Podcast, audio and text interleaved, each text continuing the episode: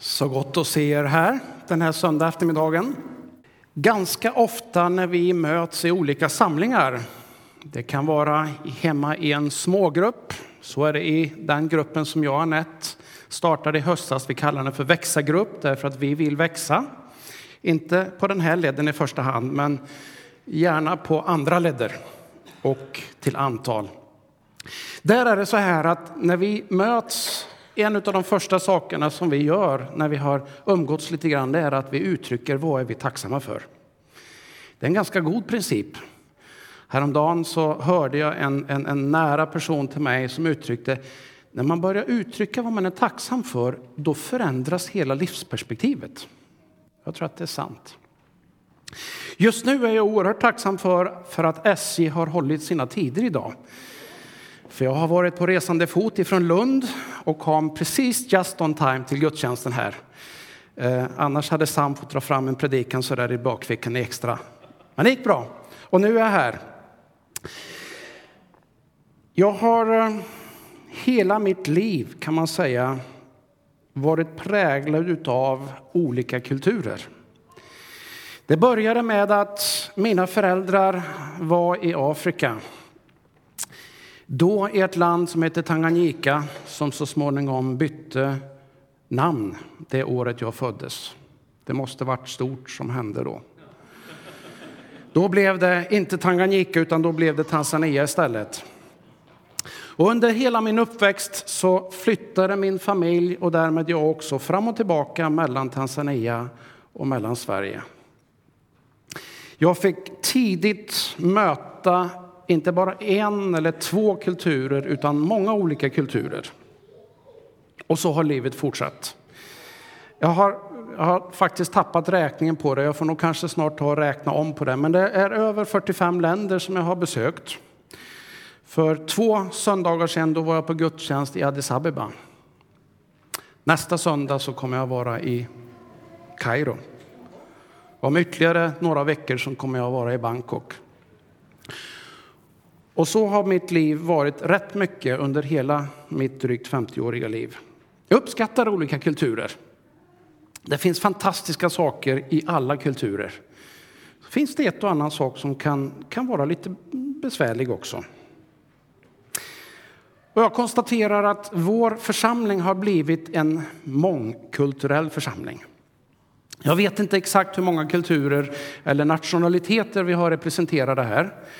Men jag skulle gissa att det är åtminstone 15. När vi har räknat på det flera gånger så, så en vanlig gudstjänst är vi någonstans 15 olika nationaliteter. Och då är vi betydligt fler kulturer kan jag säga. Därför att det är inte bara etniska kulturer vi pratar om, utan vi har också olika kulturer inom varje etnisk grupp. Ni vet, jag har ju mött lite olika människor. Jag har mött de där som går till kyrkan och liksom nästan känner som att de har betalt sin plats. En specifik plats, den får ingen annan ta. Där ska jag sitta. Jag vet inte om ni har mött någon sån, men jag har mött, jag har mött en och annan sån människa. Som har liksom varit i en kyrkkultur hela livet. Och är starkt präglad av det och har fått uppleva Gud på något sätt vid ett speciellt tillfälle i livet och det var kanske lite annorlunda mot vad det är just nu. Jag har också mött och möter människor som inte alls är kyrkvana, precis som den här vi fick höra om som hade varit på loppiset här. Jag har, hade aldrig vetat vart Pingstkyrkan överhuvudtaget var och kanske inte har varit i någon annan kyrka heller. De har en helt annan kultur. De är liksom inte vana vid att man räcker händerna när man ber. Det gör man på Färjestad när man, när man tittar på hockey. Och då skriker man lite mer än vad man gör i kyrkan också. Det finns olika kulturer. Eh, när man är bland ungdomar så får man lära sig ett och annat nytt uttryck nu och då som har med det här ungdomskulturen. För några år sedan så var värsta bra liksom något som man återkom till. Jag vet inte om det är riktigt, riktigt inne ännu, men det sägs fortfarande i alla fall värsta bra. Ibland så blir det såna här kulturkrockar. Och det blir det kanske i vår kyrka också när vi är många kulturer. Och eh, det är inte så farligt. I onsdag så var jag tillsammans med våra ungdomar, de lite äldre, i Mosaik. Ni vet, varje onsdag så möts någonstans 20-25 personer, unga människor från ett antal länder. Det är Gian som sitter här nere och Emelie som jag inte vet om hon är med på gudstjänsten. De leder det här arbetet fantastiskt bra. Och jag blev så glad, därför att där satt det mellan 20-25 personer från olika bakgrund, olika kulturer. En del som inte alls är speciellt vana vid att gå i kyrkan, några som har varit med länge och olika etniska kulturer representerade. Och tidigare när vi frågade Gian, hur gör ni, Gian och Emelie, hur gör ni för att det ska liksom fungera i den där gemenskapen? Jo, då sa de, ja men det går ganska bra. Vi har mycket värme, vi tycker om varandra, vi visar att vi tycker om varandra. Ungefär så sa de. Och jag tänker att vi behöver bli duktiga i vår kyrka på att ta hand om människor och möta människor med olika kulturer. Och när det blir krockar så behöver vi hantera det på ett bra sätt. Mycket värme, mycket kärlek brukar lösa ganska så mycket. Det skiljer lite grann. Jag vet vid ett tillfälle när jag var i Tanzania och eh, så var jag på en liten plats. Jag skulle vara med och medverka i gudstjänsten. Och i samband med det där så sa ledaren på den där lilla platsen i den kyrkan, efteråt så skulle vi vilja bjuda på lite te. Ja, det är okej, okay, sa jag. Och så någonstans i min föreställningsvärld målade jag upp att nej, det blir en tekopp med mjölk och med mycket socker så som man brukar ha. Möjligen en munk till eller någonting, en sån här ja, som mandazi som man säger på swahili. Men så kom jag till hemmet efteråt och det var inte något te där. Det var en full måltid med, med, med kött och med ris och med bananer och eh, med frukt och med grönsaker och allt möjligt. Och jag reflekterar lite grann över det där. Teet, vart tog det vägen? Men det var gott. Och efteråt så har jag pratat, det är ganska länge sedan det här, men efteråt så har jag pratat med människor och förstått mer att nej, men det är ett sätt att uttrycka sig i den kulturen. Helt okej, okay, helt normalt. Så gör vi kanske inte på svenska. Eh, ett annat exempel, i eh, Östafrika, där går man och besöker varandra. Utan att liksom ha fått en fin inbjudan. Kan du komma om två veckor? får vi bjuda på någonting. Där går man och besöker varandra och om man inte gör det, gör det så får man frågan, vilket jag faktiskt har fått. Varför har du inte kommit och besökt mig? Är det, är det något du är irriterad på? Är det något du stör dig på? Därför att i den kulturen så är det den naturligaste saken i världen att man hör av sig, man knackar på, man kommer in med sina vänner och så umgås man ett tag helt objuden. Det är så man gör. Om man inte gör det, ja, men då börjar man fundera, är det någonting som inte riktigt, riktigt stämmer? När man eh, sitter på ett tåg här i Sverige, som jag har gjort idag, då är det naturligaste i den svenska kulturen att man inte säger någonting till någon. Har ni varit med om det? Men om jag sitter på ett tåg eller ett flyg någon annanstans i världen, då är det den naturligaste saken att man pratar med den man sitter bredvid. Och att man pratar ganska ofta om vad man tror på. Några veckor sedan satt jag på väg till Etiopien och jag fick ett samtal i flera timmar med en person som skulle på pilgrimsresa till Mecka. Det var ett spännande samtal, kan jag säga. Det handlade mycket om Gud. Kulturer, det påverkar oss. Och nu ska vi få upp en bild hoppas jag. Precis. Den här bilden har min gode vän Ramses från Egypten gjort. Och det är bara ett litet försök att illustrera hur det där hänger ihop, hur vi tänker, hur vi påverkas. Om ni ser den här ringen där, där man, God och universe, människan, Gud och universum finns. Det är liksom det innersta i våra liv på något vis. Innerst inne så har vi liksom tron på eller uppfattningen om hur världen fungerar, hur människan relaterar till den och om det finns en gud eller möjligen om det finns flera gudar eller om det inte finns någon gud alls.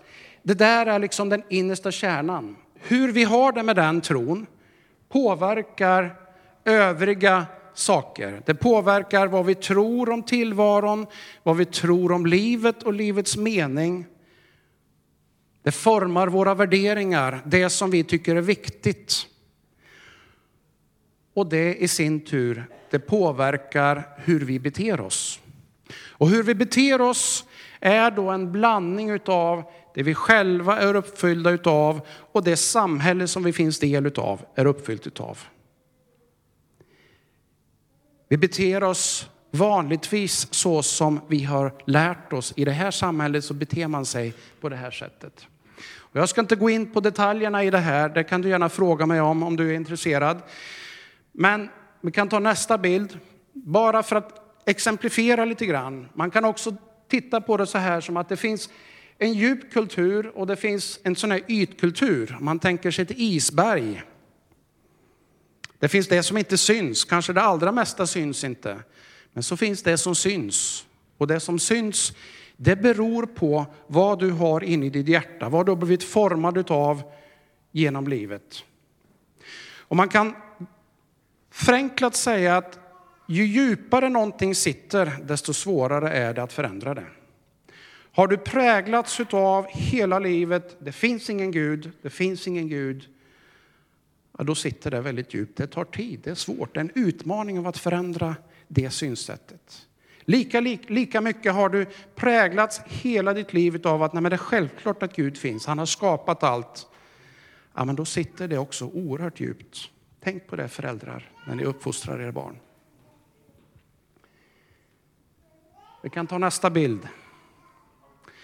Bara för att illustrera lite grann olikheter som vi möter, som är väldigt relevant för vår församling här, så har jag tagit bilden av World Value Survey. Den undersökning som görs vart femte år med ett antal länder runt om i världen och har några viktiga saker på hur vi beter oss, hur vi tänker kring saker. Den nedersta skalan, den vågräta så här, den visar längst till vänster överlevnadsperspektiv. Det vill säga att det här är viktigt för att överhuvudtaget överleva. Och längst ut till höger på den skalan så har vi, ja men där är det inte överlevnad utan där är det självförverkligande. Jag och mig och mitt självförverkligande. På den andra skalan, den lodrätta skalan här längst till vänster, längst ner så har vi mer traditionella värden där gudstro exempelvis finns med och längst upp så har vi sekulära, rationella värden där allting kan förklaras med vetenskap. Ser ni var Sverige finns? Ser ni det? Längst upp, landet allra längst upp i högra hörnet. Mest extremt på alla skalor. Där har vi Sverige. Bara för att ge lite perspektiv. Just nu nås vi av väldigt många syriska flyktingar. Och Syrien finns inte med i den här undersökningen, men ett land som ligger ganska nära Syrien är Jordanien. Och det finns någonstans här nere i det absolut nedersta vänstra hörnet. Ganska annorlunda. Olika kulturer som gör att vi förstår saker och ting. Jag har de här glasögonen på mig idag. När jag sitter och jobbar på kontoret så har jag ett par andra glasögon. Jag ser lite annorlunda med dem kan jag säga. Men vår kultur, och våra värderingar, vår världsbild är som våra glasögon som gör att vi ser på saker och ting på lite olika sätt. Ibland är det ganska nyttigt faktiskt att utmanas att ta på någon annans glasögon. Pröva får du se i kaféet. Byt glasögon med någon annan. Får du se vad du ser. Om du ser bättre eller sämre kan jag inte svara på, men du kommer se annorlunda kan jag konstatera. Jag är ganska övertygad om det. Vi kan ta nästa bild. Bibelvers, vi kan läsa den. Uppenbarelseboken 7, 9-10. Sedan såg jag och se en stor skara som ingen kunde räkna, av alla folk och stammar och länder och språk. De stod inför tronen och lammet klädda i vita kläder med palmkvistar i sina händer och de ropade med hög röst Frälsningen finns hos vår Gud som sitter på tronen och hos lammet. Det här är beskrivningen som Johannes på ön Patmos ser. Han gör den här beskrivningen, han har sett en dröm eller syn om framtiden. Bilden av människor, en så stor skara så det går inte att räkna dem. Och där finns alla jordens människor representerade.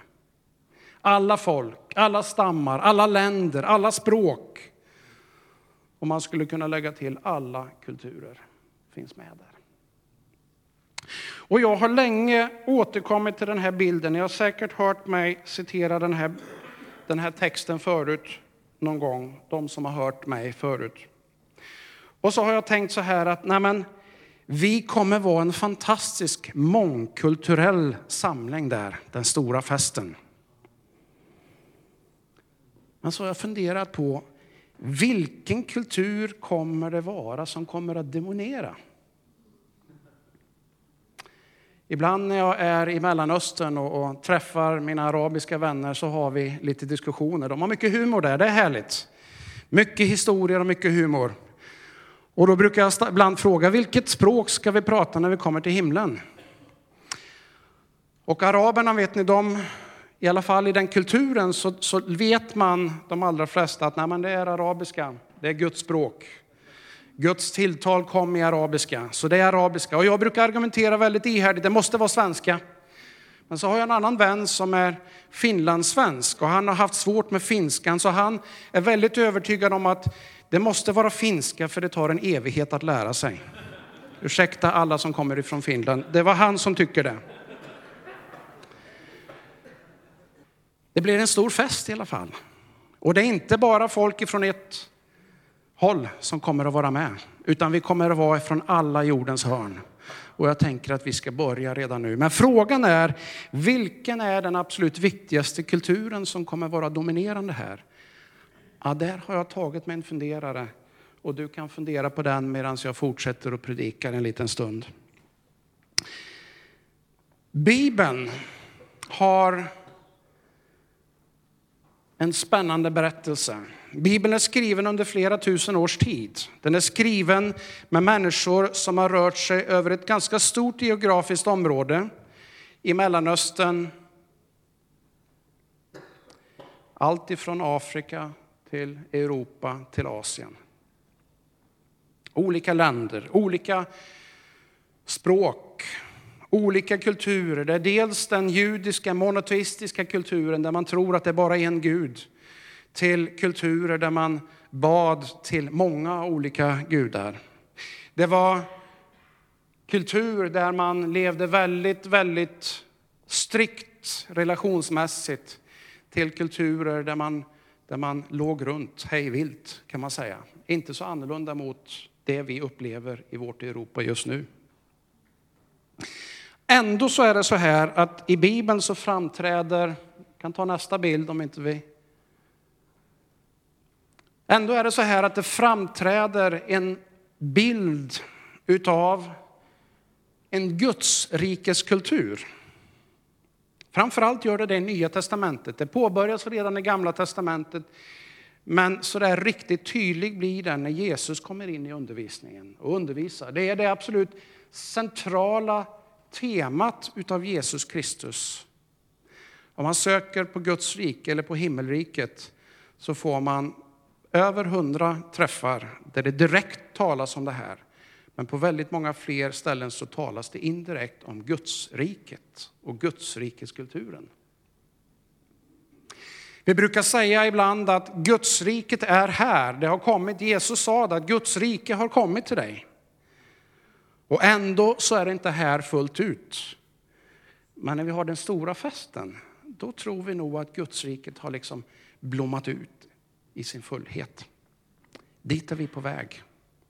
Där Det drömmer vi om, det ser vi fram emot. Och vi har börjat. Vi har börjat att ta steg. Jag tar steg och vi tillsammans ska ta steg. Ta nästa bild. Under de senaste veckorna så har jag tagit lite extra tid och studerat och tittat. Vad är det då? Om det är så här att Bibeln, trots att den är skriven i ett ganska olika platser, olika kultur, olika bakgrund, olika folkslag, ändå så framträder en Gudsrikes kultur. Vad är det då som kännetecknar den? Och jag vill bara dela några med er. Och jag vill säga att det här är inte heltäckande, men jag kan rekommendera studera Gudsrikeskulturen, inte minst det Nya Testamentet. Börja med evangelierna. Jesu undervisning, det finns fantastiskt mycket spännande.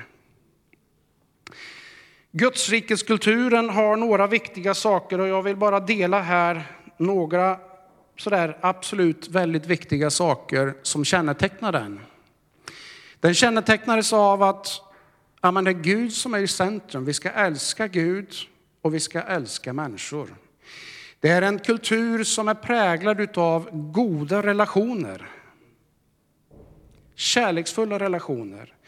Där det är en självklarhet att Gud finns. Där det är en självklarhet att Gud bryr sig om oss.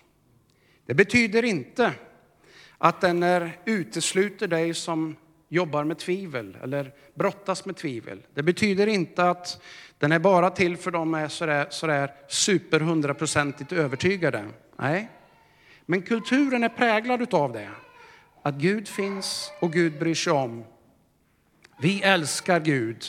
Vi älskar varandra och varför gör vi det? Jo, därför att Gud först har älskat oss.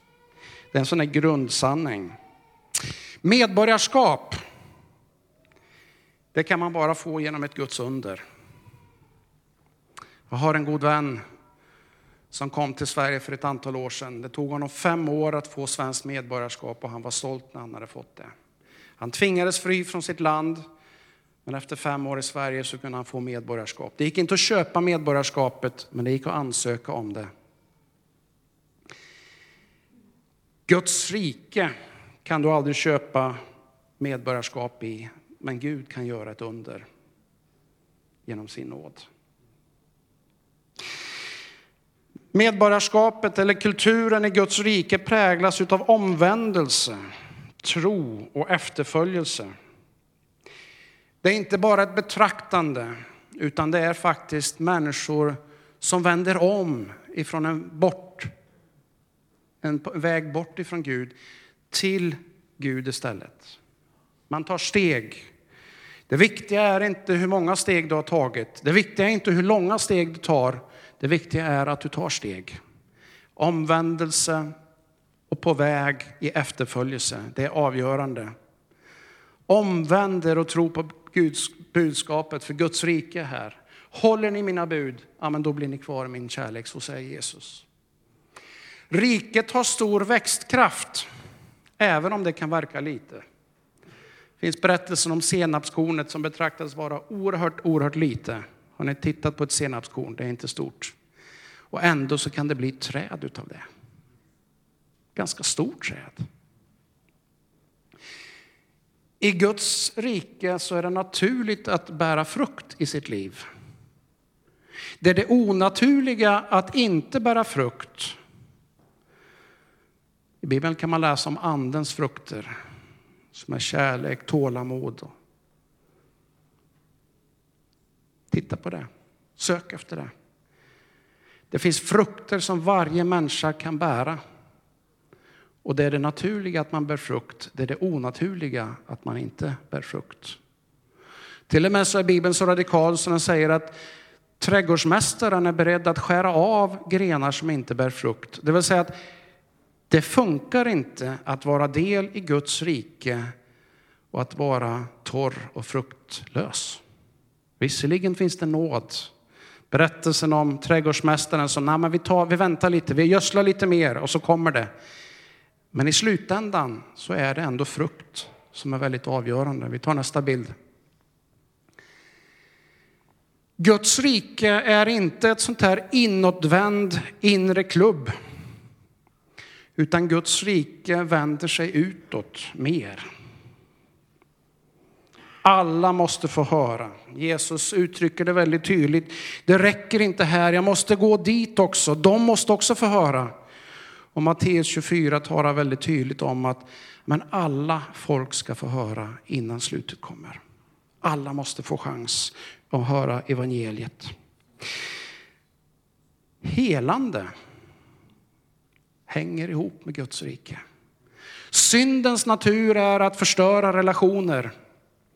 Syndens natur är att trossa sönder människor. Men Guds rikets kultur, det är helande. Helande till kroppen, helande till anden, helande till själen. Ibland händer det i det vi betraktar eller beskriver som normala medmänskliga processer. Ibland händer det som övernaturliga saker. Det Guds ingripande sker med andens specifika gåvor. Det är värt att offra mycket för Guds rike. Om ditt öga förleder dig, riv ut det. För det är bättre att komma in i himmelriket utan ena ögat än att inte komma in alls säger Jesus i sin undervisning. Mångfald. Elisabet läste det här ordet. Här är det ingen längre jud eller grek. Alla är vi nu ett i Jesus Kristus. Ledare är inte herrar med stor makt utan är ledare som betjänar andra. Någonting som är annorlunda, något som provocerar samhället kanske. I Guds rike så är det Jesus som är kung. Nästa bild när vi går in för avslutningen. Det här är vår vision som församling. Vi vill vara en församling som älskar Gud, som älskar människor. En växande gemenskap där människor kommer till tro och blir efterföljare till Jesus. Det här har vi levt med ganska så länge. Jag tog den här bilden på en av platserna i kyrkan. Den här lappen finns uppe lite här och där. Jag hoppas du inte har missat den. Det här är vad vi drömmer om. Det här är vad som präglar Gudsrikeskulturen.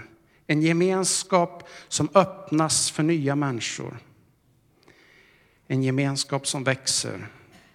En gemenskap där vi älskar Gud, där vi tar emot Guds kärlek. Där vi upplever undret gång efter annan. Undret utav nåd. Trasiga människor som blir helade. Guds rike är en plats för perfekta människor. Det är bara Gud som är perfekt. Men en plats för människor där vi kan få bli helade. Och jag vill bara till slut skicka med dig eh, några frågor. Vad gör vi av det här? Den här bilden kan ligga uppe när vi ska sjunga. Vi ska strax dela nattvarden här. Och eh, jag tänker så här att fundera lite grann över vad är det för en kultur som präglar dig mest? Är det en kultur där du har lärt dig att det finns ingen Gud? Allting förklaras med bara vetenskapliga termer. Är det en kultur där ja, men, ensam är stark, jag, mig och mitt först? Eller är det en kultur där man sätter andra framför sig själv? Fundera på om du ska pröva någon annans kulturella glasögon. Och den stora frågan, hur får vi mer av Guds rikes kultur?